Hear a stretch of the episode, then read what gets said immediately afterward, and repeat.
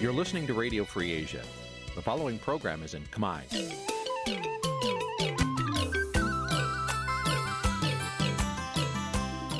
នេះជាកម្មវិធីផ្សាយ Vuthu Azizi Serai នេះជាកម្មវិធីផ្សាយរបស់ Vuthu Azizi Serai ជាភាសាខ្មែរ Vuthu Azizi Serai សូមស្វាគមន៍លោកអ្នកនាងទាំងអស់ពីរដ្ឋធានី Washington នៃសហរដ្ឋអាមេរិក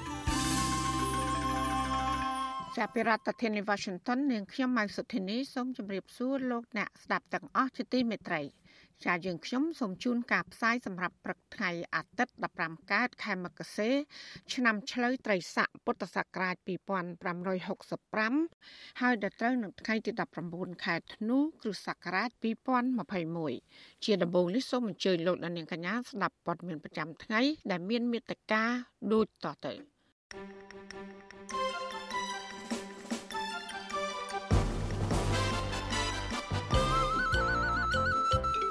អ្នកជំនាញច្បាប់ថាច្បាប់ខ្មែរមិនតម្រូវឲ្យជនជាប់ចោតលាសញ្ជាតិបរទេស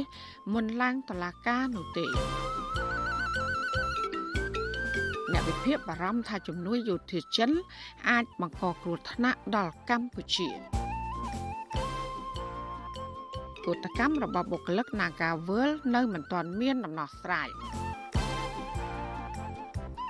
ក្រុមគូសាស្នើសុំអតឡាការដោះលែងសកម្មជនបពប្រឆាំង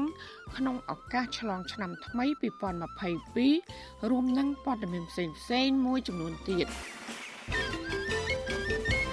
ជាបន្តទៅទៀតនេះនាងខ្ញុំម៉ៅសុធានីសូមជូនព័ត៌មានទាំងនោះពឺស្ដាប់ចាលោកនាងជាទីមេត្រីមន្ត្រីបកប្រឆាំងនិងអ្នកជំនាញច្បាប់ លើកឡើងថាកម្ពុជាគ្មានច្បាប់ណាមួយ កំណត់ឲ្យជនជាប់ចោតត្រូវលាលែងសញ្ជាតិបរទេសសិន ទើបអាចមានសិទ្ធិចូលក្នុងប្រទេស ដើម្បីតតាំងក្តីក្នុងតុលាការបាននោះទេការលើកឡើងនេះក៏នៅបន្ទាប់ពីតំណាងអัยការអមសាលាដំបងរាជធានីភ្នំពេញអះអាងថាថ្នាក់ដឹកនាំបពប្រឆាំងដែលកំពុងស្នាក់នៅបរទេសអាចចូលរួមសវនាការនៅក្នុងប្រទេសកម្ពុជាបានប៉ះសិនបើពួកគេលាសញ្ជាតិបរទេស រួមមានបារាំងនិងអាមេរិក មន្ត្រីជាន់ខ្ពស់គណៈបកប្រឆាំងនិងអ្នកជំនាញច្បាប់យល់ថាការលើកឡើងរបស់តំណាងអាយកាអមសាលាដំបងរាជធានីភ្នំពេញ លោកសេងហៀងដែលតម្រូវឲ្យថ្នាក់ដឹកនាំគណៈបកសង្គ្រោះជាតិលាលែងសញ្ជាតិបរទេសទៅអាចចូលរួមសវនាការកាត់ក្តីរបស់ពួកគេបាននោះ គឺជារឿងមិនសមហេតុសមផល និងមិនផ្អែកលើទស្សនវិជ្ជាច្បាប់ អនុប្រធានគណៈបក្សសង្គ្រោះជាតិដែលកំពុងរស់នៅសហរដ្ឋអាមេរិកនិងជាជនជាប់ចោតមួយរូបគឺលោកអេងឆៃអៀងថ្លែងថាគឺជារឿងចម្លែកនិងគ្មានមូលដ្ឋានច្បាប់ទាល់តែសោះដែលតំណាងអាយកាលោកសេងហៀងបង្គាប់ឲ្យពួកលោកលាសញ្ជាតិបរទេសដើម្បីចូលតតាំងក្តីខណៈដែលការចាប់ប្រកាន់កន្លងមកតឡាកាមិនបានគិតរឿងពួកលោកមានសញ្ជាតិប៉ុន្មាននោះទេ លោកបន្តថាអ្វីដែលលោកសេងហៀងលើកឡើងនេះគឺគ្រាន់តែជាលេសដោះសារជាមួយមេធាវីរបស់លោកប៉ុណ្ណោះប៉ុន្តែជាការពិតជាក់ស្ដែងគឺរដ្ឋាភិបាលបានព្យាយាមប្រើគ្រប់មធ្យោបាយដើម្បីរារាំងពួកលោកមិនឲ្យចូលតតាំងក្តីក្នុងតុលាការនោះបាន។ហើយ លោកផ្សេងជាងនឹងយោងទៅលើច្បាប់អីឬក៏ច្បាប់នៅលើប្រមូលមាត់គាត់ឬក៏យោងទៅការទៅលើបទបញ្ជាព្រោះការចោទប្រកាន់មកលើពួកយើងខ្ញុំអត់មានតាដោយសារមានសេចក្ដីប្រមាណទេទី2ករណីថាណាមទាំងអស់ហ្នឹងមិនមែនមានសេចក្ដីពីទាំងអស់គ្នាណាដូចយើងខ្ញុំអីហ្នឹងសេចក្ដីខ្មែរតែមួយតាប៉ាសពតខ្ញុំនេះខ្ញុំស្នងដែរខ្ញុំគេមិនឲ្យធ្វើដំណើរបានហ្នឹងគេលុបចោលអស់លេងហ្នឹងអញ្ចឹងលោកផ្សេងជាងនិយាយក៏ជាការដោះសារនៅពេលដែលមេធាវីរបស់យើងខ្ញុំបានលើកឡើងបញ្ហានឹងទេជាមួយគ្នានេះមេធាវីនៃការិយាល័យច្បាប់រ៉ៃនិងប៊ីសនីសលោកសេកសុផុនមានប្រសាសន៍ថាបញ្ហាជនជាប់ចោតមានសញ្ជាតិ1ឬ2គឺមិនសំខាន់នោះទេប៉ុន្តែរឿងសំខាន់បំផុតនោះគឺតឡាការត្រូវធ្វើគ្រប់យ៉ាងតាមនីតិវិធីច្បាប់ដើម្បីសម្រួលឲ្យជនជាប់ចោតមានវត្តមាននៅក្នុងបន្ទប់សវនាការ មេធាវីរូបនេះបញ្ជាក់ថានៅកម្ពុជាពុំមានច្បាប់ណាមួយដែលចែងថាជនជាប់ចោតត្រូវលាសញ្ជាតិបរទេសសិនទើបអាចចូលរួមសវនាការបាននោះឡើយ នៅក្នុងសវនាការសំខាន់ជាងគេរឿងការដេញដោលជួនជាប់ចោតជាមួយខាងតុលាការហ្នឹងអញ្ចឹងពាក់ព័ន្ធនឹងសញ្ជាតិពាក់ព័ន្ធអីមានមានពាក់ព័ន្ធអីជាមួយបទល្មើសគឺអត់មានត្រូវរឿងគ្នាក្នុងពីររឿងដែលឡែកហើយបើដាក់លក្ខខណ្ឌអញ្ចឹងតើតំណាងអាយកាណាយោងលើច្បាប់អីដែលមកទៀមទីអញ្ចឹងណាតាមច្បាប់ណាថាតើលាជាតិមួយសិនអត់មកអីឬអត់មានអញ្ចឹងទេ ការលើកឡើងរបស់មន្ត្រីជាន់ខ្ពស់បពប្រឆាំងនៅអ្នកជំនាញច្បាប់បែបនេះគឺនៅបន្ទាប់ពីតំណាងអัยការអមសាលាដំបងរាជធានីភ្នំពេញលោកសេងហៀងថ្លែងនៅក្នុងបន្ទប់សវនកម្មកាលពីថ្ងៃទី16ខែធ្នូថារដ្ឋាភិបាលមិនបានបិទផ្លូវថ្នាក់ដឹកនាំគណៈបកសង្គ្រោះជាតិទាំង7រូបរួមមានលោកសំរងស៊ីអ្នកត្រីមូសុខហួរលោកអេងឆៃអៀងនិងមន្ត្រីមួយចំនួនទៀតនោះទេ លោកក៏បានអះអាងថាអ្នកទាំង7នាក់នេះអាចមកចូលរួមសវនកម្មបានបើសិនជាពួកគាត់លាសញ្ជាតិបារាំងនិងអាមេរិកលោកសេងហៀងនិយាយបែបនេះគឺជាការឆ្លើយតបនឹងមេធាវីការពារក្តីឲ្យមន្ត្រីបកសង្គ្រោះជាតិគឺលោកសំសុគង្គដែលបានលើកឡើង ថាកូនក្តីរបស់លោកទាំង7រូបនេះ មានឆន្ទៈចង់មកចូលរួមសវនាការដោយផ្ទាល់ក៏ប៉ុន្តែត្រូវបានអាជ្ញាធររដ្ឋាភិបាលរារាំង ការឆ្លើយឆ្លងគ្នានេះធ្វើឡើងក្នុងពេលដែលសាលាដំបងរាជធានីភ្នំពេញបានបន្តបើកសវនកម្មសំណុំរឿងថ្នាក់ដឹកនាំនិងសកម្មជនបកសង្គ្រោះជាតិចំនួន42នាក់ក្រោមបទចោទប្រកាន់ញុះញង់ឲ្យមានភាពវឹកវរធ្ងន់ធ្ងរដល់សន្តិសុខសង្គមញុះញង់យោធិនមិនឲ្យស្ដាប់បង្ជា និងរួមកំណត់ក្បត់ប៉ុន្តែសវនាការនេះអវត្តមានថ្នាក់ដឹកនាំបពប្រឆាំង ដែលកំពុងរស់នៅក្រៅប្រទេសចំនួន7រូបដោយសារតែរដ្ឋាភិបាល បានលុបចោលសុពលភាពលិខិតឆ្លងដែនខ្មែររបស់ពួកគាត់ហើយក៏មិនព្រមផ្ដល់ទឹកថាការឬវីសាលើលិខិតឆ្លងដែនបរទេសរបស់ពួកគាត់ថែមទៀតផង មន្ត្រីជាន់ខ្ពស់ផ្នែកអង្កេតនិងឃ្លាំមើលការរំលោភសិទ្ធិមនុស្សនៃសមាគមអាតហុកលោកជីសុកសានដែលបានចូលស្ដាប់សវនាការដែរនោះថ្លែងថាលោកសេងហៀងពិតជាបានលើកឡើងថាថ្នាក់ដឹកនាំបពប្រឆាំងអាចចូលរួមសវនាការបានបើពួកគាត់លាសញ្ជាតិបរទេសលោកយល់ថាការលើកឡើងរបស់តំណាងអាយកាបែបនេះមិនស្របតាមនីតិវិធីច្បាប់នោះទេហើយលោកក៏ចាត់ទុកថាសំណុំរឿងនេះគឺជារឿងនយោបាយសុទ្ធសាធ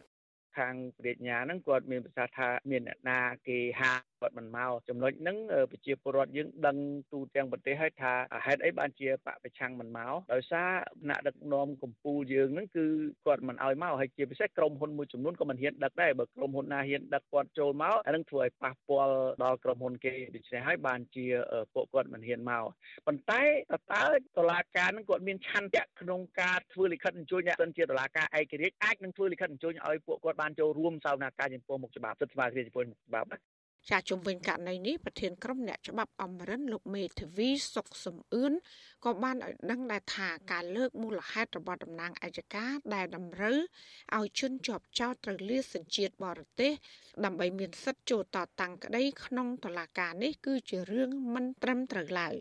លោកបញ្យលទៀតថានៅក្នុងរដ្ឋធម្មនុញ្ញនិងច្បាប់តន្ត្រីទៀតมันមានចែងដូច្នេះឡើយ។ តាមពិតទៅតុលាការមានអំណាចបង្គាប់ឲ្យរដ្ឋាភិបាលនឹងសម្រួលចូលស្រុករបស់អ្នកទាំងអស់គ្នានឹងបានណាតែតុលាការស្រុកយើងអត់បានប្រើអំណាចទេអញ្ចឹងរដ្ឋាភិបាលអាចខាត់ ពួកនឹងបានមិនឲ្យចុះស្រុកអញ្ចឹងណាដល់អញ្ចឹងទៅវាជាបញ្ហាដែរដោយសារក្នុងប្រព័ន្ធតុលាការរបស់យើងវាអាចកាត់កំបាំងមុខបានហ្នឹងជាចំណុចមួយ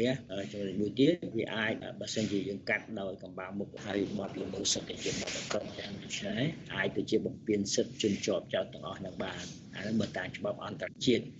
ចាវជុស៊ីស្រីមិនអាចសុំការឆ្លើយតបរឿងនេះ ពីអ្នកនាំពាក្យអាយកាអមសាលាដំបងរាជធានីភ្នំពេញលោកប្លង់សុផល និងប្រធានសាលាដំបងរាជធានីភ្នំពេញលោកតាំងសុនឡាយបានទេដោយសារទទួលស័ព្ទហៅចូលតែពុំមានអ្នកទទួលតឡាការក្រុងភ្នំពេញបានចាប់ផ្ដើមបើកសវនាការជាលក្ខណៈទ្រង់ទ្រាយធំឡើងវិញដោយមានថ្នាក់ដឹកនាំនិងសកម្មជនបពប្រឆាំងជាង42នាក់ចាប់តាំងពីថ្ងៃទី7ខែធ្នូ ដោយលើកមុនដែររដ្ឋាភិបាលលោកហ៊ុនសែននិងតុលាការមិនបានបើកផ្លូវអធនដឹកនាំនិងសកម្មជនបកប្រឆាំងដែលរស់នៅក្រៅប្រទេសអាចវិលចូលកម្ពុជាដើម្បីតតាំងក្តីនោះឡើយចាសហគមន៍ជាតិនិងអន្តរជាតិរិះគន់ថាដំណើរការកាត់ក្តីលើមន្ត្រីបពប្រឆាំងទាំងនេះគឺមិនមែនជាការអនុវត្តច្បាប់ទេប៉ុន្តែជាការធ្វើទុកបុកម្នេញផ្នែកនយោបាយ សហគមន៍ជាតិនិងអន្តរជាតិក៏បានស្នើឲ្យតុលាការទម្លាក់ចោលការចោទប្រកាន់និងដោះលែងជនជាប់ឃុំដោយមូលហេតុនយោបាយឲ្យមានត្រីភិបឡើងវិញដោយឥតលក្ខខណ្ឌ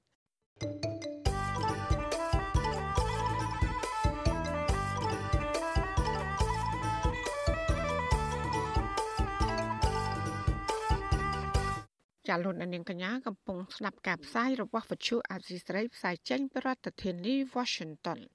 ចាក្រុមគូសាសកម្មជនបពប្រឆាំងដែលកំពុងជាប់ឃុំ ប្រាថ្នាសមយុទ្ធធននឹងជួបជុំគ្នាឡើងវិញ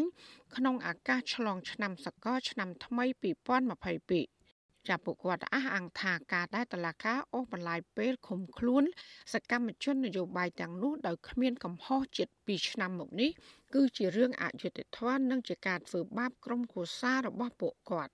ចាលោកនាងនឹងបានស្ដាប់សេចក្តីរាយការណ៍ពុស្ដាមពីរឿងនេះនាពេលបន្តិចទៀតនេះចាសូមអរគុណ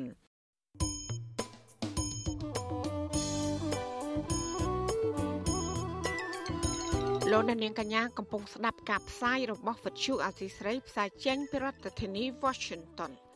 ជាវិទ្យុអស៊ីស្រីផ្សាយតាមរលកធាតុអាកាសខ្លីឬ short wave តាមកម្រិតនិងកម្ពស់ដូចតទៅ។ ពេលព្រឹកចាប់ពីម៉ោង5កន្លះដល់ម៉ោង6កន្លះតាមរយៈរលកធាតុអាកាសខ្លី9390 kHz ស្មើនឹងកម្ពស់ 32ម៉ែត្រហើយនឹង11850 kHz ស្មើនឹងកម្ពស់ 25ម៉ែត្រ ចាសម្រាប់ពេលយប់វិញចាប់ពីម៉ោង7កន្លះដល់ម៉ោង8កន្លះគឺតាមរយៈរលកធាតុអាកាសខ្លី9390 kHz ស្មើនឹងកម្ពស់32ម៉ែត្រហើយនឹង15155 kHz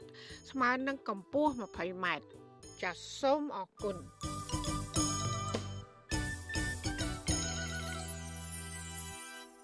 ចាលោកអ្នកស្ដាប់ទទីមេត្រីគណៈបកភ្លើងទៀន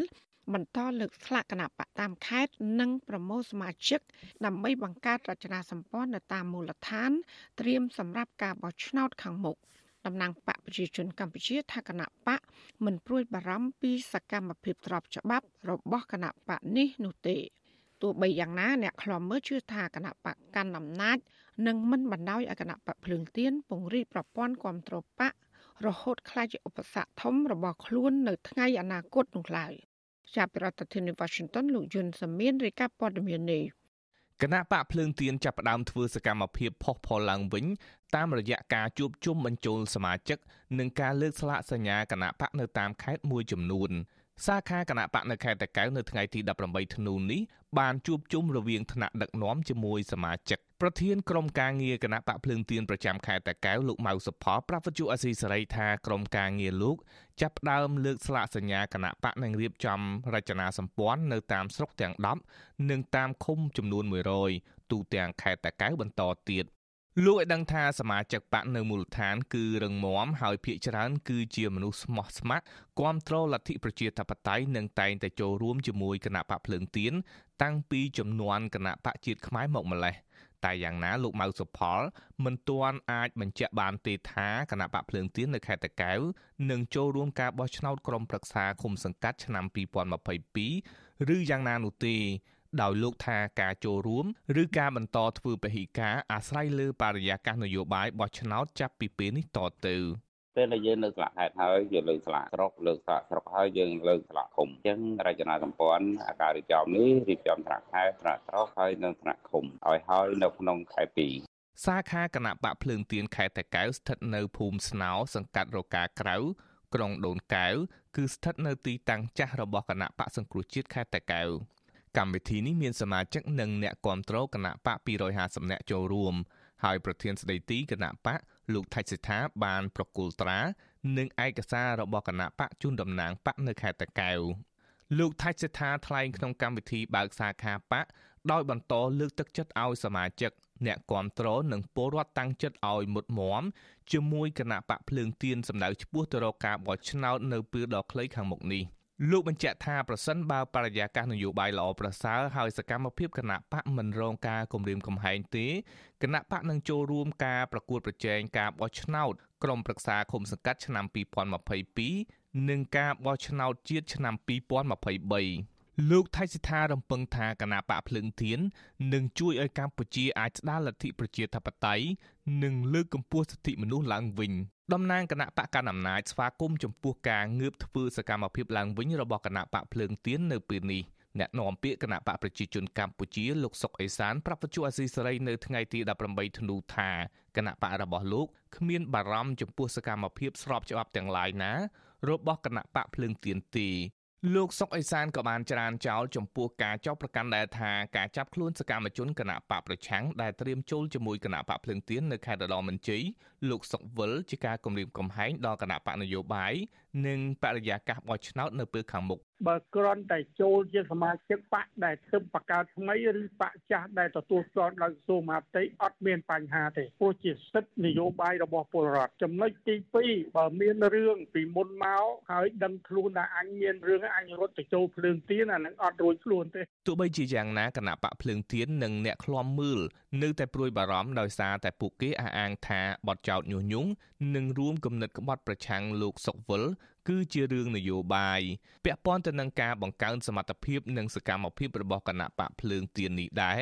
អ្នកខ្លំមើលជឿថាគណៈបកកណ្ដាលអំណាចនឹងមិនព្រមបណ្ដោយឲ្យគណៈបកភ្លើងទៀនអាចពង្រីកខ្លួនឲ្យធំធាត់រហូតក្លាយជាការគម្រាមកំហែងដល់ការកាន់អំណាចដោយករណីគណៈបកសង្គ្រោះជាតិបានឡើយ។ អ្នកសិក្សាផ្នែកច្បាប់យុវជនខីពិសី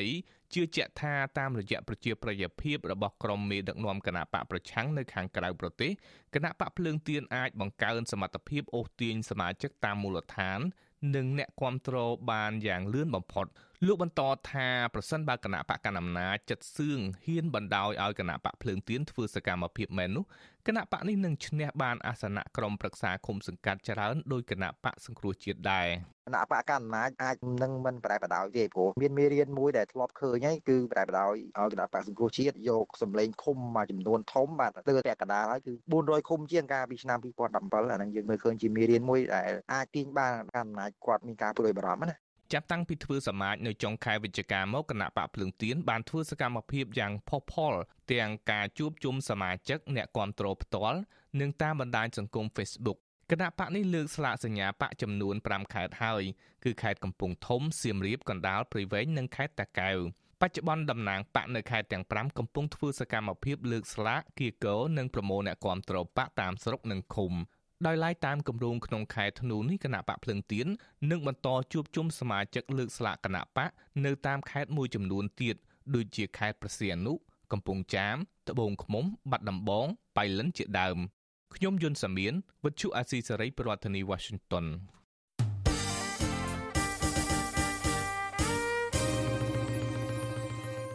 លោកដានីលជាទីមេត្រីឯកអគ្គរដ្ឋទូតចិនប្រចាំកម្ពុជាអះអាងថាចិននៅតែបន្តកិច្ចសហប្រតិបត្តិការយោធាជាមួយកម្ពុជាបើទោះបីជាសហរដ្ឋអាមេរិកកំពុងដាក់ទណ្ឌកម្មផ្នែកយោធាលើកម្ពុជាក៏ដោយអ្នកវិភាគព្រួយបារម្ភថាបញ្ហាយោធាខ្មែរនិងចិននេះអាចនឹងបង្កគ្រោះថ្នាក់ដល់ប្រទេសកម្ពុជា និងរាលដាលដល់ប្រទេសក្នុងតំបន់អាស៊ានថែមទៀត ចាលោកសេកបណ្ឌិតរាយការណ៍ព័ត៌មាននេះដូចតទៅឯកអគ្គរដ្ឋទូតចិនប្រចាំនៅកម្ពុជា លោកវ៉ាងវិនធាន នៅតែចាត់ទុកកម្ពុជា ថាជាមិត្តដៃថែបនិងជាដៃគូយុទ្ធសាស្ត្រគ្រប់ជ្រុងជ្រោយដែលចិនបន្តកិច្ចសហប្រតិបត្តិការយោធាយ៉ាងរឹងមាំជាមួយកម្ពុជាឯកអគ្គរដ្ឋទូតចិនប្រចាំនៅកម្ពុជា លើកឡើងបែបនេះនៅក្នុងពិធីបញ្ចុះបឋមសិលាបើកការដ្ឋានសាងសង់ទីលានបាញ់គ្រាប់ពិតស្ថិតនៅក្នុងខេត្តកំពង់ឆ្នាំងដែលជាជំនួយរបស់ក្រសួងការពារជាតិចិន កាលពីថ្ងៃទី17ខែធ្នូការលើកឡើងបែបនេះរបស់លោកវ៉ាងវិនធាន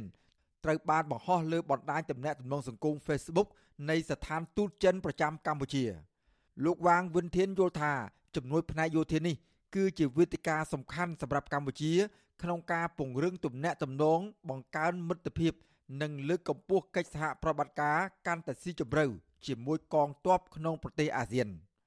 ឯកអគ្គរដ្ឋទូតចិនប្រចាំនៅកម្ពុជារូបនេះក៏ឆ្លៀតឆ្លើយឆ្លងចំពោះទណ្ឌកម្មរបស់សហរដ្ឋអាមេរិកដែលដាក់នៅលើរដ្ឋាភិបាលកម្ពុជាថា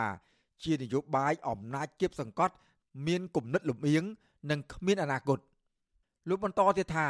នេះជាការលៀបពណ៌បង្ខូចកេរ្តិ៍ឈ្មោះនៃទំនាក់ទំនងកិច្ចសហប្រតិបត្តិការរវាងកម្ពុជានិងចិនលោកចោទប្រកាន់ថាទណ្ឌកម្មនេះធ្វើយុត្តាធិការហួសដែនកំណត់ ផ្ដេសផ្ដាសនិងជ្រៀតជ្រែកកិច្ចការផ្ទៃក្នុងរបស់កម្ពុជានេះមិនមែនជាលើកទី1ទេដែលរដ្ឋាភិបាលឬឯកអគ្គរដ្ឋទូតចិនបញ្ចេញប្រតិកម្មបែបនេះ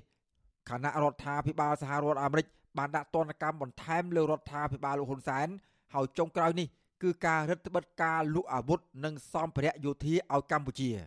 ចំណែកលោកនាយករដ្ឋមន្ត្រីហ៊ុនសែនក៏បញ្ជាឲ្យប្រមូលអាវុធ និងសម្ភារៈយោធារបស់អាមេរិកដែលមាននៅកម្ពុជាដុតកំទេចចោលជុំវិញដំណើរវិវត្តនៃបទបញ្ជារបស់លោកហ៊ុនសែនបែបនេះរដ្ឋមន្ត្រីក្រសួងការពារជាតិលោកទៀបាញ់បានថ្លែងនៅក្នុងពិធីបើកការដ្ឋានសាងសង់ទីលានបាញ់គ្រាប់ពិត កាលពីថ្ងៃទី17ខែធ្នូថាក្រសួងគ្រងនឹងដុតកំទេចចោលតែអាវុធនិងសម្ភារៈយោធាអាមេរិកដែលប្រើប្រាស់លែងកើតប៉ុន្តែរបស់ដែលនៅអាចប្រើបាន គឺត្រូវរក្សាទុកក្នុងឃ្លាំងនិងសារមន្ទីរ លោកឲ្យដឹងទៀតថាអាវុធនិងសម្ភារៈទាំងនោះត្រូវបានប្រមូលជាបណ្ដាបណ្ដាហើយប៉ុន្តែលោកមិនទាន់ដឹងថាអាចនឹងត្រូវដុតកំទេចចោលពេលណានោះទេលោកទៀបបាញ់ឲ្យដឹងទៀតថាកម្ពុជាមិនដែលបានទិញអាវុធពីចិននោះទេហើយអាវុធដែលមានសពថ្ងៃគឺជាអាវុធសេសសល់ពីសង្គ្រាម ហើយយើងនឹងធ្វើការត្រួតពិនិត្យមើលនៅពេលអនាគតចំនួននឹងគឺវាយ៉ាងម៉េចអ្វីដែលយើងគួររក្សាទុកឬអ្វីដែលយើងឃើញថាវាដល់កម្រិតមួយត្រូវតែបំផ្លាញចោលនោះគឺយ៉ាងណាពោះរឿងអាវុធនិងគ្រឿងមកពាក់នេះដល់អាយុកាលរបស់វាបើអាយុកាលរបស់វាវាចាស់ពេកវាខូចខាតធ្ងន់ហូរពេកយើងទុកក៏វាអន្តរាយដែរតកតទៅនឹងរឿងនេះអ្នកវិភាគនយោបាយបណ្ឌិតសេងសេរីយល់ថា ពេលសហរដ្ឋអាមេរិកដាក់ទណ្ឌកម្មលើប្រទេសកម្ពុជាប៉ុន្តែចិនចេញមុខការពីបែបនេះនឹងរួចឲ្យកម្ពុជាក្លាយជាសម្ព័ន្ធមិត្តនឹងចិនកាន់តែស៊ីជម្រៅទោះយ៉ាងណាលោកយល់ថាបញ្ហានេះនឹងបង្កគ្រោះថ្នាក់ដល់កម្ពុជានិងឈានទៅដល់ការបែកបាក់នៅក្នុងតំបន់អាស៊ានថែមទៀតផង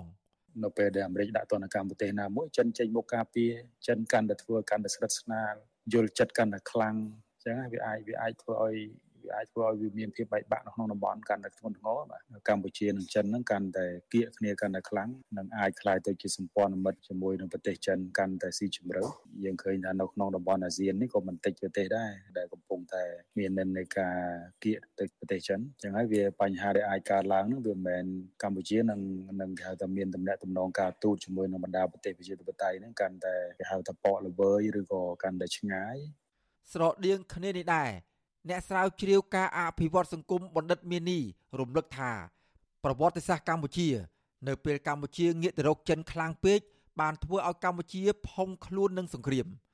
លោកបន្តទៀតថា ស្ថានភាពពេលនេះកម្ពុជាប្រឈមនឹងជន់ដានប្រវត្តិសាស្ត្រចាស់នៅក្នុងស្ថានភាពបែបហ្នឹងបើសិនណាជារឿងនេះវាកើតមានឡើងនៅក្នុងប្រទេសនៅក្នុងតំបន់យើងនេះវិញជា ផុសតាងដែលគេធ្វើការសិក្សាមកហ្នឹងនៅពេលដែលវិបត្តិពិភពលោកចូលដល់ស្ថានភាពធ្ងន់ធ្ងរឧទាហរណ៍ថាប្រឈមគ្នាផ្នែកកម្លាំងប្រដាប់អាវុធអីផ្សេងផ្សេងហ្នឹងគឺប្រទេសតូចតូចហ្នឹងមិនមានអធិបុលអីក្នុងការទប់ទល់ជាមួយគេទេក្រៅពីរឿងត្រូវតែអនុវត្តទៅតាមអ្វីដែលមហាអំណាចគេចង់ធ្វើបាទនេះជាទស្សនវិជ្ជាដែលយើងមើលឃើញពីមុនហើយនឹងឥឡូវនេះបាទកន្លងទៅសហរដ្ឋអាមេរិកតែងរំលឹកទៅរដ្ឋាភិបាលលោកហ៊ុនសែន ពីបញ្ហានៃព័ត៌មាននៃការដាក់មូលដ្ឋានទ័ពចិននៅក្នុងមូលដ្ឋានទ័ពជើងទឹករៀមនៅខេត្តប្រសេនុតែទោះយ៉ាងណាភាគីកម្ពុជាតែងតែបដិសេធទោះជាបែបនេះក្តីរដ្ឋាភិបាលលោកហ៊ុនសែនរងការចោទប្រកាន់ថា បានលួចចុះកិច្ចព្រមព្រៀងសម្ងាត់ជាមួយប្រទេសចិនកុម្មុយនីសដើម្បីអនុញ្ញាតឲ្យកងទ័ពចិនបោះទីតាំងឈរជើងនៅលើទឹកដីខ្មែរសារព័ត៌មានល្បីឈ្មោះរបស់សហរដ្ឋអាមេរិក The Wall Street Journal បានរាយការណ៍កាលពីខែកក្កដាឆ្នាំ2019ថាកិច្ចព្រមព្រៀងសម្ងាត់នោះបានអនុញ្ញាតឲ្យកងទ័ពចិនគ្រប់គ្រងកំពង់ផែកងទ័ពជើងទឹករៀមផ្ដាច់មុខរហូតដល់ទៅ30ឆ្នាំហើយកិច្ចព្រមព្រៀងនេះអាចបន្តបានរៀងរាល់10ឆ្នាំម្ដងខ្ញុំបាទសេកបណ្ឌិតវិទ្យុអសីសេរីពីរដ្ឋធានីវ៉ាស៊ីនតោន លោកអ្នកស្ដាប់ជាទីមេត្រីតកតងនឹងរដ្ឋាភិបាលចិននេះដែរលោកនាយករដ្ឋមន្ត្រីហ៊ុនសែនបង្ហាញមោទនភាពជាថ្មី ថាជំនួយរបស់ចិន គឺបង្កើនភាពឯករាជ្យរបស់កម្ពុជា លោកសង្ឃឹមថាសហគមន៍អន្តរជាតិនឹងមិនបន្ថែមសម្ពាធលើកម្ពុជាដោយសារតែការទទួលយកជំនួយ និងទំនាក់ទំនងស្អិតល្មួតរវាងកម្ពុជានិងចិននោះឡើយប៉ុន្តែមន្ត្រីបពប្រឆាំងអះអាងថាសហគមន៍អន្តរជាតិនឹងបន្ថែមសម្ពាធដល់រដ្ឋាភិបាលកម្ពុជាដោយសារជំនួយរបស់ចិន គឺជាការបង្កើនអំណាចផ្ដាច់ការឲ្យរដ្ឋាភិបាល លោកនាយករដ្ឋមន្ត្រីហ៊ុនសែនបានបង្ហាញការពេញចិត្តជាខ្លាំងចំពោះជំនួយចិននិងសរសើរថាមហាអំណាចចិន តែងតែផ្ដល់ជំនួយដោយភាពគោរពចំពោះរដ្ឋាភិបាលកម្ពុជា។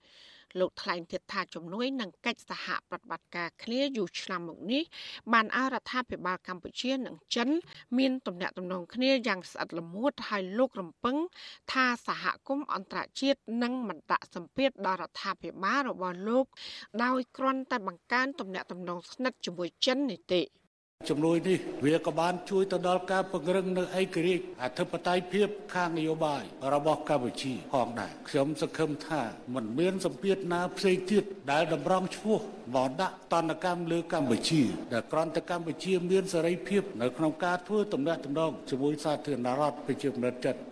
លោកហ៊ុនសែនថ្លែងបែបនេះក្នុងពិធីសម្ពោធពហុកីឡាដ្ឋានជាតិមរតកតេជោ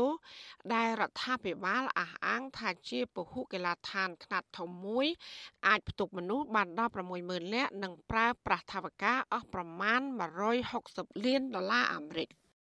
ពហុកីឡាដ្ឋាននេះមានសមត្ថភាពទទួលរៀបចំព្រឹត្តិការណ៍ប្រកួតកីឡាទាំងថ្នាក់ជាតិកីឡាថ្នាក់តំបន់និងកីឡាអន្តរជាតិធំធំកម្រិតពិភពលោក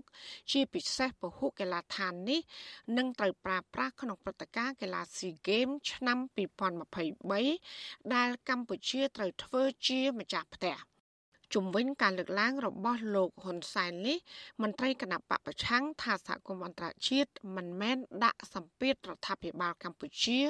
ដោយការទទួលជំនួយឬក៏ទំនាក់ទំនងស្អិតល្មួតជាមួយចិននោះទេពួកគេដាក់សម្ពាធដោយទាមទារអរដ្ឋាភិបាលរក្សាព្យាក្រឹតនិងគោរពរដ្ឋធម្មនុញ្ញកម្ពុជា។ មន្ត្រីជាន់ខ្ពស់គណៈបកសង្គ្រោះជាតិលោកងឹមញែងលើកឡើងថាជំនួយរបស់ចិនមិនបានធ្វើឲ្យកម្ពុជាមានភាពឯករាជ្យដូចជាការលើកឡើងរបស់លោកហ៊ុនសែននោះឡើយទៅទៅវិញលោកថាជំនួយរបស់ចិនកន្លងមក ទាំងក្នុងសម័យខ្មែរក្រហមក្តី បានធ្វើឲ្យកម្ពុជានិងប្រជាពលរដ្ឋក្លាយជាជនរងគ្រោះយ៉ាងធ្ងន់ធ្ងរពីការដឹកនាំដែលងាកទៅរកលទ្ធិផ្ដាច់ការ លោកជឿជាក់ថាការងារទៅស្និទ្ធនឹងចិន ដោយមិនខ្វល់ពីការរំលោភសិទ្ធិមនុស្សនិងប្រជាធិបតេយ្យនឹងធ្វើឲ្យសហគមន៍អន្តរជាតិដាក់សម្ពាធរដ្ឋាភិបាលលោកហ៊ុនសែនបន្ថែមទៀត ចំពោះមុខនេះបើលោកហ៊ុនសែននៅតែជជែកពឹងចិនបានន័យថាទៅបង្កើនកិច្ចសហប្រតិការជាមួយចិនតទៅទៀតហ្នឹងគឺជោគវាសនាប្រជារាស្ត្រខ្មែរជោគវាសនាជាតិខ្មែរហ្នឹងគឺអត់មានវាសនាល្អដោយអ្វីដែលចិនធ្លាប់ការពារជួយរបបកម្ពុជាប្រជាធិបតេយ្យតែយើងហៅថាកម្ពុជាពុន កាលពីថ្ងៃទី8ខែធ្នូសហរដ្ឋអាមេរិកបានដាក់ទណ្ឌកម្មបន្ថែមទៀតលើរដ្ឋាភិបាលកម្ពុជាដោយរដ្ឋបិទការលក់អាវុធ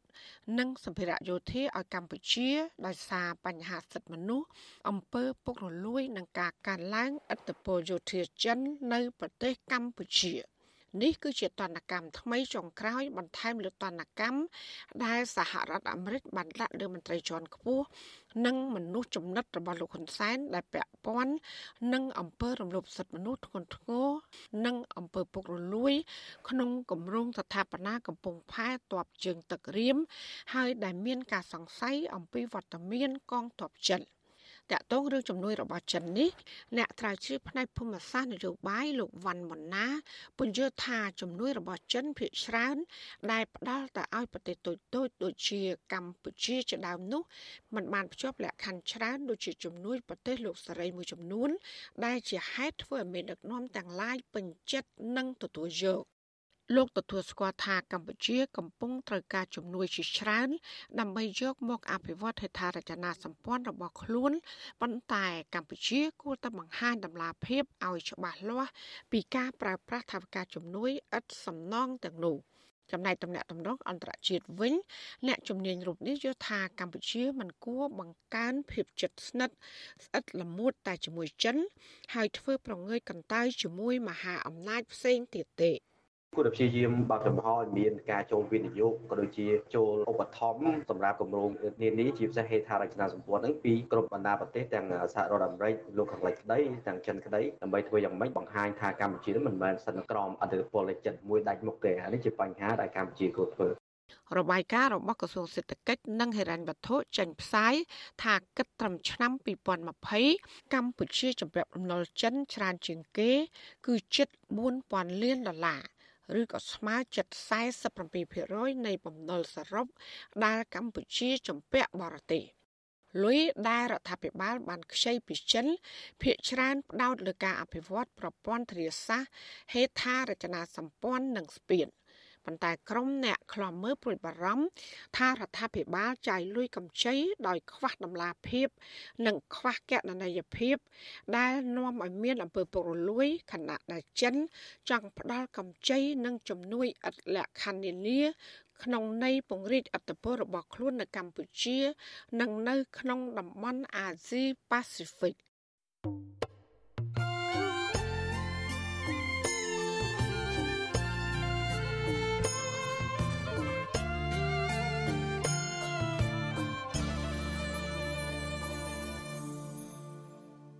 ចាលោកដានៀងកញ្ញាជាទីមេត្រីស្មេសហជីពលោករងឈុននិងក្រុមយុវជន បានជួបពិភាក្សាជាមួយអង្គទូតប្រទេសប្រជាធិបតេយ្យជាបន្តបន្ទាប់ដើម្បីស្នើសុំឲ្យតំណាងប្រទេសទាំងនោះជំរុញទៅរដ្ឋាភិបាលលោកហ៊ុនសែនងាកមកគោរពសិទ្ធិមនុស្សនិងស្ដារលទ្ធិប្រជាធិបតេយ្យឡើងវិញប៉ុន្តែមន្ត្រីជាន់ខ្ពស់រដ្ឋាភិបាលយល់ឃើញថាសកម្មភាពទាំងនេះនឹងមិនបានផលអ្វីនោះឡើយ ចាលោកយុនសមៀនមានសេចក្តីរាយការណ៍មួយទៀតជំវិញព័ត៌មាននេះដូចតទៅប្រធានសហភាពសហជីពកម្ពុជា CCU លោករងជុនបានជួបជាមួយឯកអគ្គរដ្ឋទូតសហរដ្ឋអាមេរិកលោក Patrick Murphy និងឯកអគ្គរដ្ឋទូតសហភាពអឺរ៉ុបអ្នកស្រី Carmen Moreno និងតំណាងស្ថានទូតអូស្ត្រាលីចាប់តាំងពីថ្ងៃទី10ធ្នូដល់ថ្ងៃទី17ធ្នូ លោកបានស្នើដល់ស្ថានទូតបរទេសទាំងនោះឲ្យជួយជំរុញឲ្យរដ្ឋាភិបាលលោកហ៊ុនសែនគោរពសិទ្ធិមនុស្សនិងស្ដារលទ្ធិប្រជាធិបតេយ្យឡើងវិញលោករងឈុនថ្លែងប្រាប់វិទ្យុអេស៊ីសេរីនៅថ្ងៃទី18ខែធ្នូថាលោកបានលើកយកអំពីស្ថានភាពចង្អៀតណែនក្នុងពន្ធនាគារនិងក្តីកង្វល់តាក់ទងទៅនឹងបញ្ហាសិទ្ធិសេរីភាពនិងលទ្ធិប្រជាធិបតេយ្យនៅកម្ពុជាទៅកាន់អង្គទូតប្រទេសប្រជាធិបតេយ្យទាំងនោះ លោកក៏បានស្នើសុំឲ្យប្រទេសប្រជាធិបតេយ្យទាំងនោះអន្តរាគមន៍ទៅរដ្ឋាភិបាលកម្ពុជាឲ្យដោះលែងសកម្មជនគណៈបកសង្គ្រោះជាតិនិងសកម្មជនមួយចំនួនទៀតដែលកំពុងជាប់ឃុំដោយអយុត្តិធម៌ព្រមទាំងទាមទារឲ្យទម្លាក់ចោលទាំងស្រុងនៅលក្ខខណ្ឌត្រួតពិនិត្យតាមផ្លូវតុលាការលើសកម្មជន ដែលតុលាការទើបដោះលែងទាំងនោះក្នុងនោះក៏រួមមានទាំងលោកម្នាក់ផងដែរ ខាងឯកអគ្គរដ្ឋទូតពួកគាត់សម្ដែងការយកចិត្តទុកដាក់យើងនឹងមានសង្ឃឹមថានឹងមានការប្រែប្រួលនៅក្នុងកម្ពុជាយើងប៉ុន្តែទន្ទឹមនឹងនឹងក៏យើងមិនមែនគេថាដេកចាំតែខាងស្ថានទូតឬអន្តរជាតិអន្តរាគមទេ ក្នុងនាមយើងជាពលរដ្ឋខ្មែរក្នុងនាមយើងជាម្ចាស់ប្រទេសយើងត្រូវខិតខំខ្លួនយើងដែរ លោករងជុនបញ្ជាក់ថារាល់ជំនួបមន្ត្រីស្ថានទូតតែងតែស្វាគមន៍ដោយយកចិត្តទុកដាក់ចំពោះទុកកង្វល់និងសំណើរបស់សកម្មជន ហើយពួកគេសន្យានឹងជួយអន្តរាគមន៍ជាបន្តបន្ទាប់ទៀត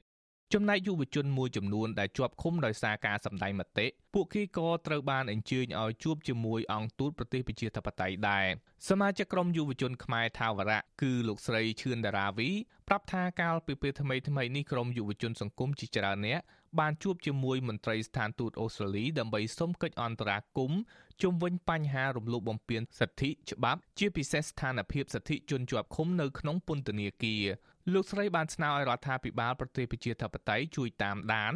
និងយកចិត្តទុកដាក់ចំពោះយុវជនដែលបន្តធ្វើសកម្មភាពទាមទារយុត្តិធម៌យើងព្យាយាមឲ្យទូតដូចជាប្រទេសដែលគេកាន់លទ្ធិប្រជាធិបតេយ្យគ្រប់ច្បាប់អីហ្នឹងបានជួយដឹងលើពីបញ្ហាខ្មែរហើយនឹងពិសេសគឺបញ្ហាយុត្តិធម៌ដែលរដ្ឋាភិបាលហ្នឹងរដ្ឋបិទសិទ្ធិសេរីភាពពលរដ្ឋពៀនរំលោភសិទ្ធិពួកខ្ញុំដែលជាពលរដ្ឋចឹងប្រទេសដែលគាត់ជា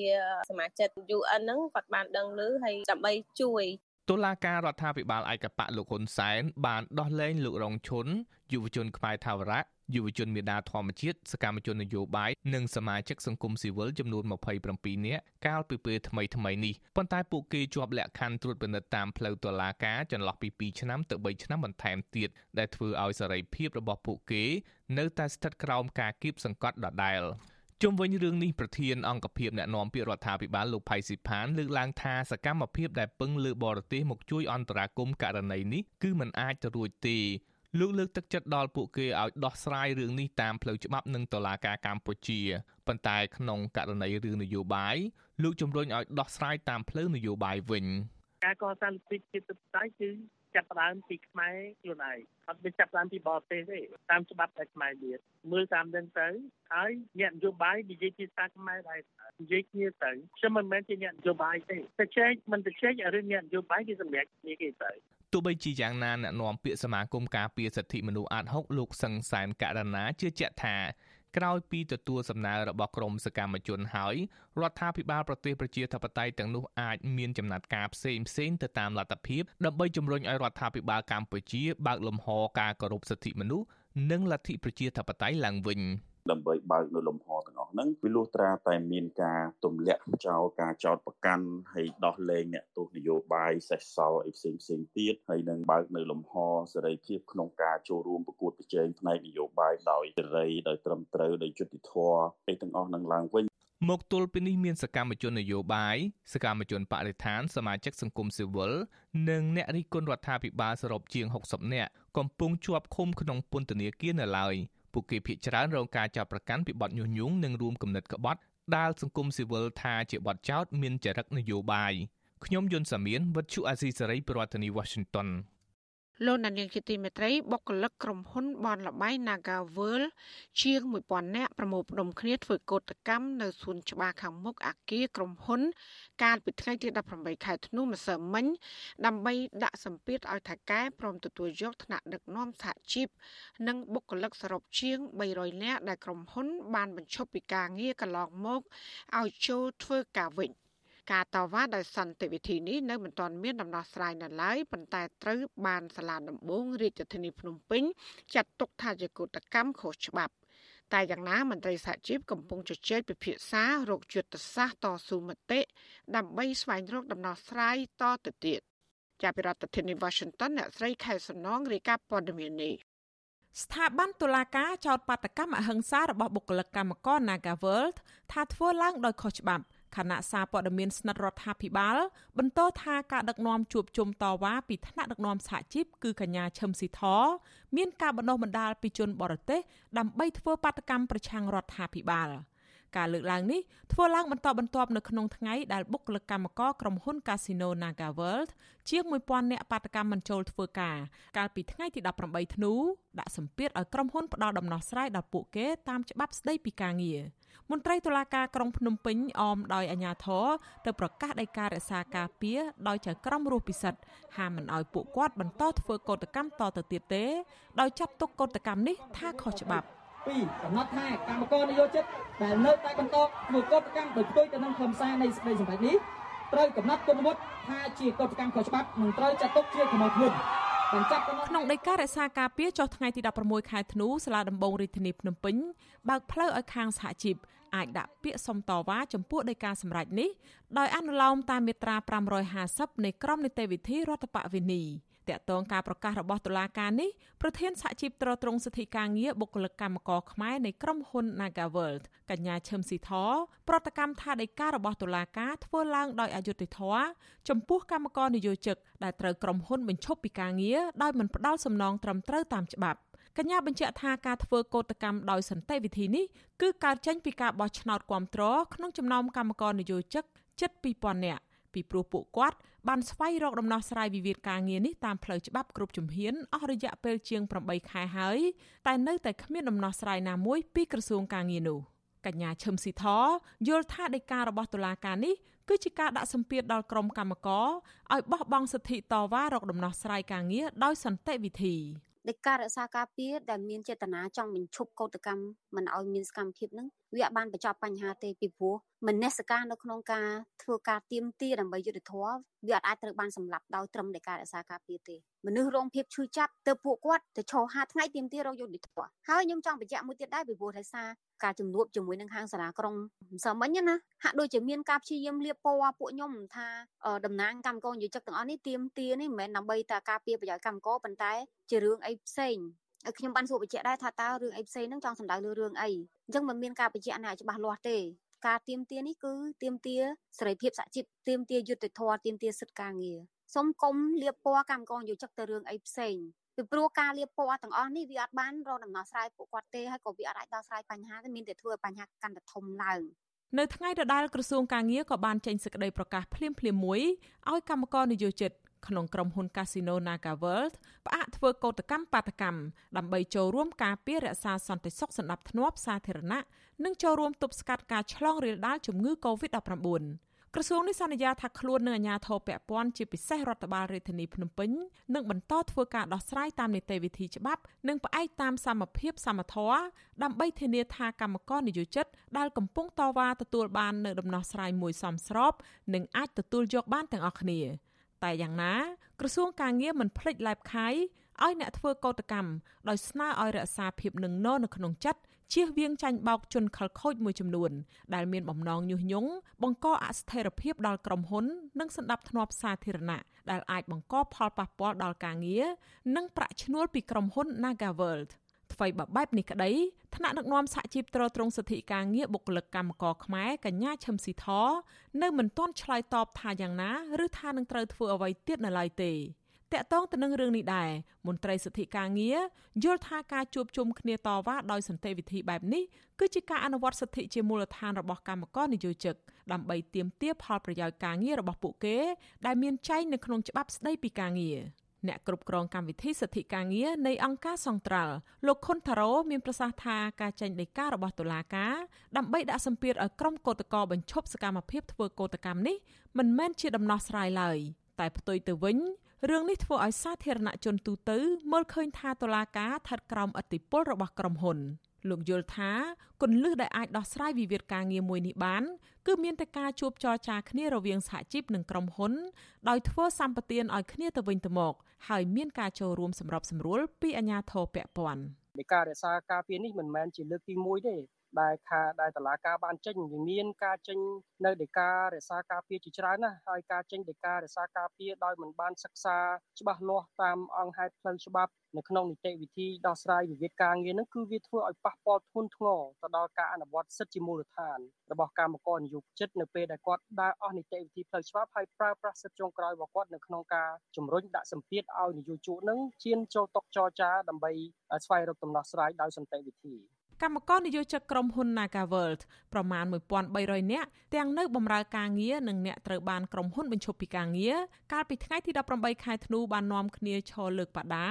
ស្រែកទាមទារឲ្យថៅកែក្រុមហ៊ុនបនលបៃមួយនេះព្រមទទួលយកកម្មករនិងថ្នាក់ដឹកនាំសហជីពសរុបជាង300នាក់ឲ្យចូលធ្វើការវិញ និងបញ្ឈប់ការរើសអើងមកលើសហជីពតទៅទៀតបដាដែលក្រុមកោតក្រលើកក្នុងពេលតវ៉ាមានខ្លឹមសារដូចជា Nagaworld ត្រូវគោរពច្បាប់ការងារ ការទៀមទាសេរីភាពសហជីពមិនមែនជាបទឧក្រិដ្ឋទេបុគ្គលិកម្នាក់ធ្វើការផ្នែក gaming អស់រយៈពេល25ឆ្នាំដែលត្រូវបានក្រុមហ៊ុនបញ្ឈប់ពីការងារទាំងពីរអ្នកប្តីប្រពន្ធកាលពីខែឧសភាកន្លងទៅ លោកសេងវ៉ាន់រិទ្ធថ្លែងថាការមិនព្រមទទួលយកបុគ្គលិកជាង300នាក់ឲ្យចូលធ្វើការវិញនេះគឺបង្ហាញឲ្យឃើញពីចេតនារបស់ក្រុមហ៊ុនចង់លុបបំបាត់វត្តមានថ្នាក់ដឹកនាំសហជីពនិងបុគ្គលិក ជាសមាជិកសហជីពចេញពីកន្លែងធ្វើការលោកបន្តថាហេតុផលដែលក្រុមហ៊ុនលើកឡើងក្នុងគម្រោងបញ្ឈប់បុគ្គលិកកាលពីពេលកន្លងទៅនោះដោយសារតែវិបត្តិជំងឺ Covid-19 គឺជារឿងមិនពិតពីព្រោះថាក្នុងអំឡុងពេលនោះក្រុមហ៊ុននៅតែបន្តរកប្រាក់ចំណេញបានរាប់លានដុល្លារហើយបើកការដ្ឋានសាងសង់អគារសាខាទី3ដោយគ្មានអគារឡើយ។ បុគ្គលិកវ័យ45ឆ្នាំដែលមានកូន2នាក់នៅក្នុងបន្ទុកគ្រួសាររូបនេះស្នើសុំឲ្យរដ្ឋាភិបាលជួយអន្តរាគមន៍ទៅភាគីក្រុមហ៊ុនបើកកិច្ចចរចាទទួលយកពួកគាត់វិលចូលធ្វើការវិញនិងទទួលស្គាល់វត្តមានសហជីពនៅក្នុងក្រុមហ៊ុនឡើងវិញ បាទសប្តាហ៍ថ្ងៃគឺយើងប្រឈមបញ្ហាជីវភាពគឺយើងប្រឈមខ្លាំងបាទដោយសារយើងពីអ្នកប្រយោជន៍ស្បតែធ្វើការបានប្រាក់ចំណូលចាំខែដល់ពេលក្រុមហ៊ុនប្រជុំអញ្ចឹងគឺបាត់ប្រាក់ចំណូលបាទតាមមួយយើងត្រូវមានបងធនាគារបងអីទៀតបាទប្រាក់ចំណាយទៀតកូនរៀនទៀតគឺយើងប្រឈមខ្លាំងមែនទែន វិទ្យុអស៊ីសេរីមិនអាចតាក់ទងប្រធានប្រតិបត្តិបុគ្គលិករបស់ក្រុមហ៊ុន Naga World លោកម៉ៃងៃ និងអ្នកនាំពាក្យក្រសួងការងារលោកហេងសួរដើម្បីសាកសួរអំពីដំណោះស្រាយរឿងនេះបានទេ កាលពីថ្ងៃទី18ខែធ្នូដោយទូរស័ព្ទហៅចូល តែពុំមានអ្នកទទួល ក្នុងពេលតវ៉ានោះអាញាធរបានដាក់ពង្រាយកងកម្លាំងសមត្ថកិច្ចចម្រុះរាប់រយនាក់មានក្រុមកងសន្តិសុខនិងកម្លាំងនគរបាល នៅខាងអង្គារក្រុមហ៊ុន Nagavel សាខាទី1ប៉ុន្តែมันមានការប៉ះទង្គិចគ្នាជាអំពើហិង្សានោះឡើយពួកគេបានរំសាយទៅវិញនៅម៉ោង5ល្ងាចក្នុងថ្ងៃដដែលក្រុមកម្មករនយោជិតក្រុមហ៊ុន Nagaworld ប្រកាន់ជំហរថាពួកគេនឹងបន្តធ្វើកោតកម្មទៀតរហូតដល់មានដំណោះស្រាយ។ អ្នកខ្លំមើលសិទ្ធិការងារស្នើដល់ប្រធានក្រុមហ៊ុន Nagaworld គួរធ្វើការចរចាជាមួយតំណាងសហជីពដើម្បីស្វែងរកដំណោះស្រាយសមស្របមួយដែលអាចទទួលយកបានទាំងពីរភាគីប្រកបដោយភាពស្មោះត្រង់និងបញ្ឈប់រាល់ការរើសអើងនិងធ្វើទុកបុកម្នេញទៅលើសហជីពតទៅទៀតចា៎នាងខ្ញុំខែសុណងវັດឈូអាស៊ីសេរីរាយការណ៍ពីរដ្ឋធានី Washington thank you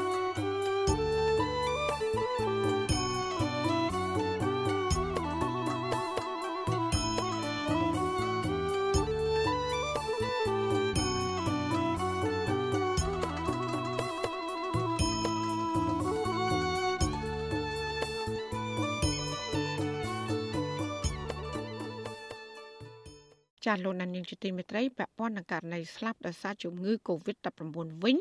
គឺបានកើនឡើងដល់3003នាក់ហើយបន្ទាប់ពីមានអ្នកជំងឺ2នាក់ទៀតបានស្លាប់ដែលមិនបានចាក់វ៉ាក់សាំងគិតត្រឹមព្រឹកថ្ងៃទី18ខែធ្នូកម្ពុជាមានអ្នកកើតជំងឺ Covid-19 សរុប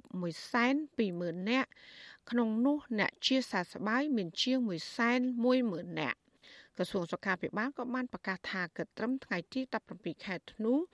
ដ្ឋាភិបាលបានចាក់វ៉ាក់សាំងជូនបរិវត្តគ្រប់អាយុបានប្រមាណ10លាននាក់សម្រាប់ដូសទី1និងជាង9លាន7សែននាក់សម្រាប់ដូសទី2ចំណែកកុមារនិងយុវជនដែលមានអាយុពី5ឆ្នាំដល់17ឆ្នាំវិញក្រសួងក៏បានបញ្ជាក់ថាបានចាក់វ៉ាក់សាំងបានប្រមាណ4លាននាក់ក្នុងចំណោមអ្នកដែលត្រូវចាក់សរុបជាង4លាននាក់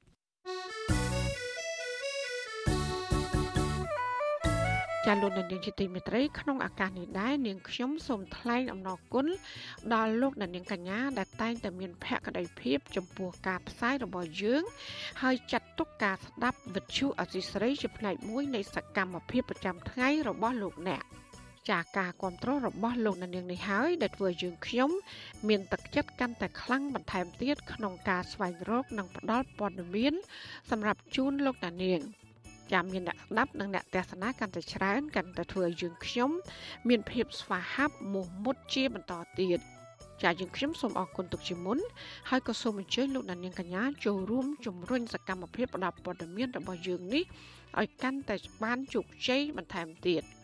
ចាលោកណានៀងអាចជួយយើងខ្ញុំបានដោយគ្រាន់តែចុចចែករំលែកឬ share ការផ្សាយរបស់យើងខ្ញុំនៅលើបណ្ដាញសង្គម Facebook និង YouTube ទៅកាន់មិត្តភ័ក្តិរបស់លោកណានៀងដើម្បីឲ្យការផ្សាយរបស់យើង បានទៅដល់មនុស្សកាន់តែច្រើនចាសសូមអរគុណ ចាលោកនាងជាទីមេត្រីក្រុមគូសាសកម្មជនបពប្រឆាំងដែលកំពុងជាប់ឃុំ ប្រាថ្នាសូមយុត្តិធម៌និងជួបជុំគ្នាឡើងវិញ ក្នុងឱកាសឆ្លងឆ្នាំសកល2022ចាពួកគាត់អះអាងថាការដែលតឡាការអូសបន្លាយពេលឃុំខ្លួន សកម្មជននយោបាយទាំងគ្មានកំហុសជិត2ឆ្នាំមកនេះគឺជារឿងអយុត្តិធម៌និងជាការធ្វើបាបក្រុមគូសារបស់ពួកគាត់ ប៉ុន្តែមន្ត្រីអ្នកនាំពាក្យរដ្ឋាភិបាលឆ្លើយតបថាក្រមគូសាសកម្មជនបពប្រឆាំងគួរតែខិតខំដោះស្រាយតាមផ្លូវតុលាការពីព្រោះថាការត្អូញត្អែនិងការទម្លាក់កំហុសទៅលើរដ្ឋាភិបាលនិងតុលាការគឺมันអាចជួយអ្នកកំពុងជាប់ឃុំបានឡើយចាលោកសេកបណ្ឌិត មានសេចក្តីរាយការណ៍ពឹស្ដារមួយទៀតជំវិញបញ្ហានេះក្រមគ្រួសារគណៈបកសង្គ្រោះជាតិដែលកំពុងជាប់ពន្ធនាគារលើកឡើងថា រដ្ឋាភិបាល និងតុលាការមិនគួរបន្តអូសបន្លាយពេលវេលាឃុំខ្លួនសកម្មជននយោបាយទាំងអយុធធរនិងធ្វើបាបក្រុមគ្រួសារពួកគាត់ឲ្យរងទុក្ខវេទនាដោយគ្មានពេលកំណត់បែបនេះទេពួកគាត់សង្ឃឹមថា ក្នុងឱកាសឆ្លងឆ្នាំសកលនេះរដ្ឋាភិបាលនិងតុលាការនឹងលើកលែងការចោទប្រកាន់ហើយដោះលែងសកម្មជននយោបាយឲ្យមានសេរីភាពជួបជុំក្រុមគ្រួសារឡើងវិញ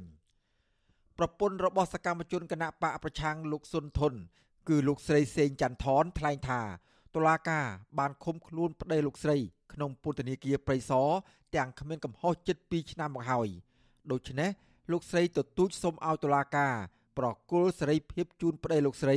និងសកម្មជនគណៈបកសង្គ្រោះជាតិផ្សេងទៀតនៅក្នុងឱកាសឆ្លងឆ្នាំសកលនេះលោកស្រីបន្តថាការអូសបន្លាយពេលវេលាឃុំខ្លួនសកម្មជននយោបាយទាំងនេះ មិនបានផ្ដល់ផលប្រយោជន៍អ្វីដល់រដ្ឋាភិបាលឡើយ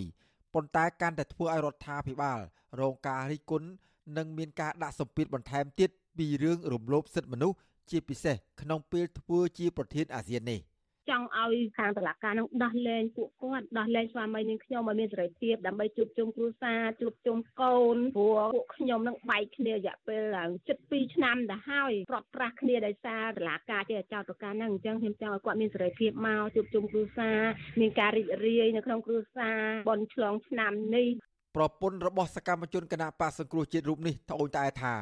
ការឃុំខ្លួនប្តីរបស់លោកស្រីជិត2ឆ្នាំមកនេះ បានធ្វើឲ្យគ្រួសារលោកស្រីទាំងមូលរងទុក្ខវេទនាទាំងផ្លូវចិត្តនិងផ្លូវកាយជាខ្លាំង។ មិនត្រឹមតែពួកគាត់នៅក្នុងនោះបាត់បង់សេរីភាពទេសូម្បីតែពួកខ្ញុំនៅខាងក្រៅនេះក៏បាត់បង់សេរីភាពដែរក្នុងការដើរហើរក្នុងការប្រកបរបរចិញ្ចឹមជីវិតត្រូវគេតាមដានត្រូវគេតាមសង្កេតមើលហើយជាពិសេសទៀតបាត់ប្រាក់ចំណូលសម្រាប់គ្រួសារកូនក៏ត្រូវបោះបង់ការសិក្សាជាពិសេសទៀតពេលដែលខ្ញុំដើរទៅទៀមទាតវ៉ាដើម្បីឲ្យមានសេរីភាពដោះលែងពួកគាត់ត្រូវបានគេធ្វើបាបធ្វើទុកបុកម្នេញសពបែបសពយ៉ាងរារាំងរុញច្រានស្ដេចផ្ញើចាក់បោកអីចឹងសបែបសញ្ញាទាំងអស់ហ្មងនេះគឺជាការបំបិទសិទ្ធិសេរីភាពទាំងគ្រួសារហ្មងណាមិនមែនបិទសិទ្ធិសេរីភាពនៅក្នុងពន្ធនាគារសូម្បីថាខាងក្រៅនោះក៏ពិបាកដែរដូចគ្នានេះដែរកូនស្រីរបស់សកម្មជនបកប្រឆាំងលោកហេងច័ន្ទសុធី គឺកញ្ញាសេងបូរីទាមទារឲ្យតុលាការជាពិសេសរដ្ឋាភិបាលដោះលែងឪពុកដែលមានវ័យ59ឆ្នាំ និងអ្នកជាប់ឃុំដោយមូលហេតុនយោបាយទាំងអស់ព្រោះពួកគាត់សុទ្ធតែជាមនុស្សស្អាតស្អំ។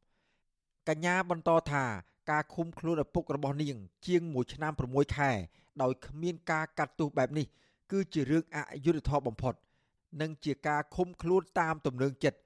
ព្រោះតុលាការគ្មានសម្អាងហេតុផល និងភ័ស្តុតាងជាក់លាក់ឡើយ។ អត់មានទោសកំហុសអីទាំងអស់យកពួកគាត់ទៅបន្តឃុំខ្លួនរហូតឥឡូវគៀកមកដល់អ្នកខ្លះចូលទៅដល់2ឆ្នាំទៅហើយទាំងដែលអត់មានការប្រកាសសារក្រមឬក៏កាត់ទោសអ្វីលើពួកគាត់ទេនៅតែបន្តឃុំខ្លួនគាត់ជារឿយៗមកដល់ពេលហ្នឹងអញ្ចឹងខ្ញុំនៅតែបំណើឲ្យដោះលែងពួកគាត់ដែលអត់លក្ខខណ្ឌហើយណាមួយដូចជាឪពុកខ្ញុំមានវ័យកាន់តែចាស់ជរាហើយរហូតដល់ជំងឺប្រចាំកាយគាត់មានលើសឈាមផងមានជាតិខ្លាញ់ផងហើយឥឡូវហ្នឹងគាត់គឺតែសាយឈឺចង្កេះជាប់ចង្កេះទៀតនៅប្រើថ្នាំផ្សេងបន្ថែមទៀតអញ្ចឹងខ្ញុំ មានការបារម្ភពីចំពោះសុខភាពគាត់ខ្លាំងមែនទែន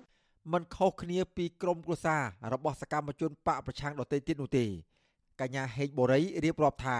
ការឃុំខ្លួនឪពុករបស់នាង ទាំងអយុធធម៌បែបនេះ បានបង្កការឈឺចាប់ និងផ្ដល់ផលលំបាកដល់គ្រួសារទាំងមូល។ ពួកខ្ញុំជួបប្រទះការលំបាកខ្លាំងមែនតើគឺថាការចាប់ឪពុកខ្ញុំម្នាក់ដូចជាឃុំក្រុមគ្រួសារខ្ញុំទាំងមូលចឹងព្រោះគាត់គឺជាជំហរដ៏រឹងមាំមួយសម្រាប់គ្រួសារពេលដែលអត់ពីឪពុកខ្ញុំទៅគឺខ្ញុំត្រូវជាពាក់ធនាគារត្រូវសង់ធនាគារផងថ្លៃការចាយវាហងមកងើបប្រចាំកាយហើយក៏មិនមានប្រាក់សម្រាប់ការបន្តការសិក្សាហើយណាមួយឪពុកខ្ញុំឈឺនៅខាងក្នុងពន្ធនាគារផងខ្ញុំត្រូវឲ្យរកថវិកាក៏ដូចជាទិញថ្នាំពេទ្យដើម្បីផ្គត់ផ្គង់គាត់ចឹងពួកខ្ញុំជួបប្រទះការលំបាកខ្លាំងមែនតើគ្រប់ពេលដែលពួកខ្ញុំចេញទៅទៀមទាតវ៉ាម្ដងម្ដងគឺតែងតែមានការគម្រាមកំហែងក៏ដូចជាប្រើប្រាស់ជាអំពើហិង្សាទាំងផ្លូវកាយទាំងផ្លូវចិត្តគ្រប់បែបយ៉ាងមានទាំងជីកតាមគ្រប់សពបែបយ៉ាងមកលើពួកខ្ញុំជាពិសេសដែលពួកខ្ញុំជាស្ត្រីភេទគឺពួកខ្ញុំទទួលយកបានទេគិតត្រឹមថ្ងៃទី18ខែធ្នូឆ្នាំ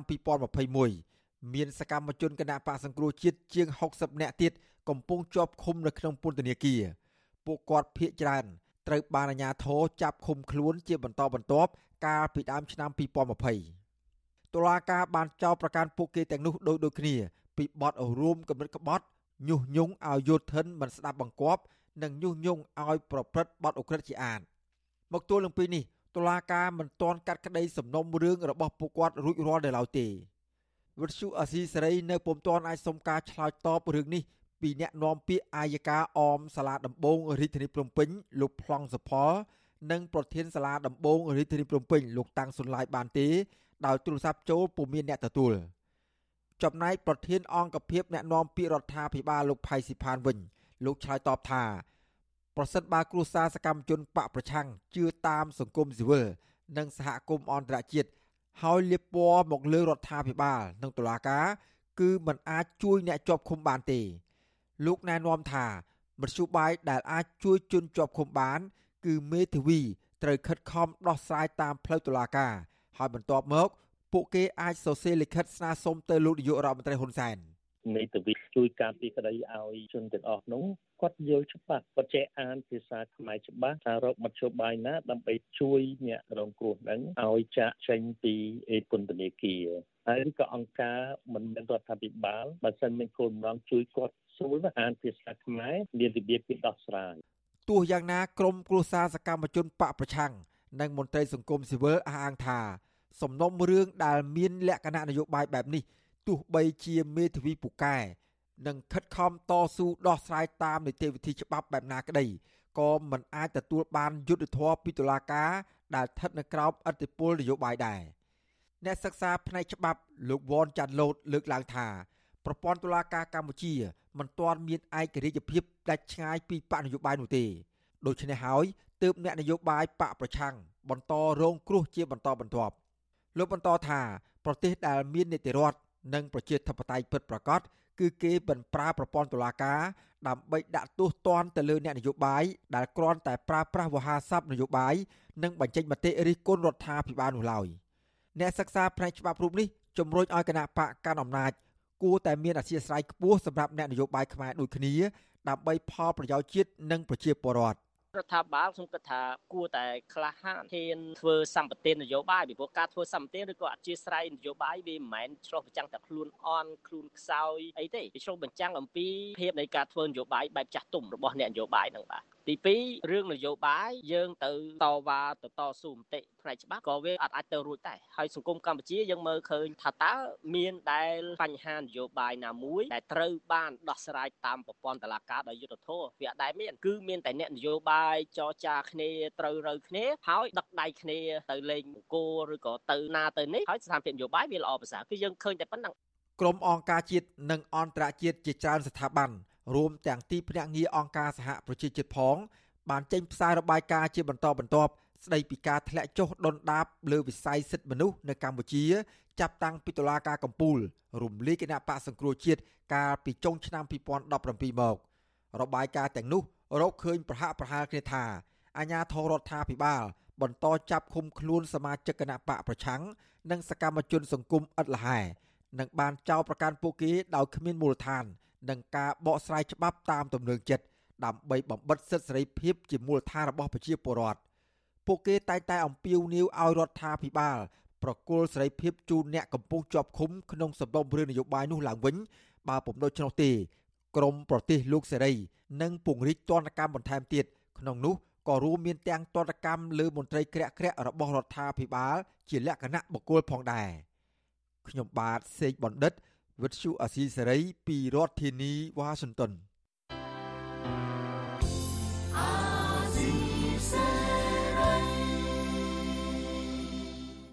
ចាលោកលានកញ្ញាអ្នកស្ដាប់ជាទីមេត្រីការផ្សាយរយៈពេល1ម៉ោងរបស់វិទ្យុអាស៊ីសេរីជាភាសាខ្មែរនៅពេលនេះចាប់តែប៉ុណ្ណេះចាយើងខ្ញុំទាំងអស់គ្នាសូមជូនពរលោកនាងនិងក្រុមគ្រួសារទាំងអស់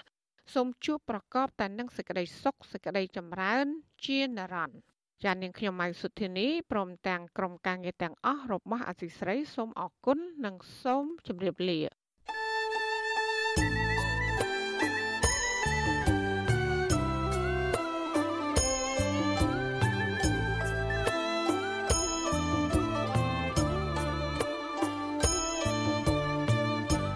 វិទ្យុអេស៊ីសេរីផ្សាយតាមរលក ធាតុអាកាសខ្លី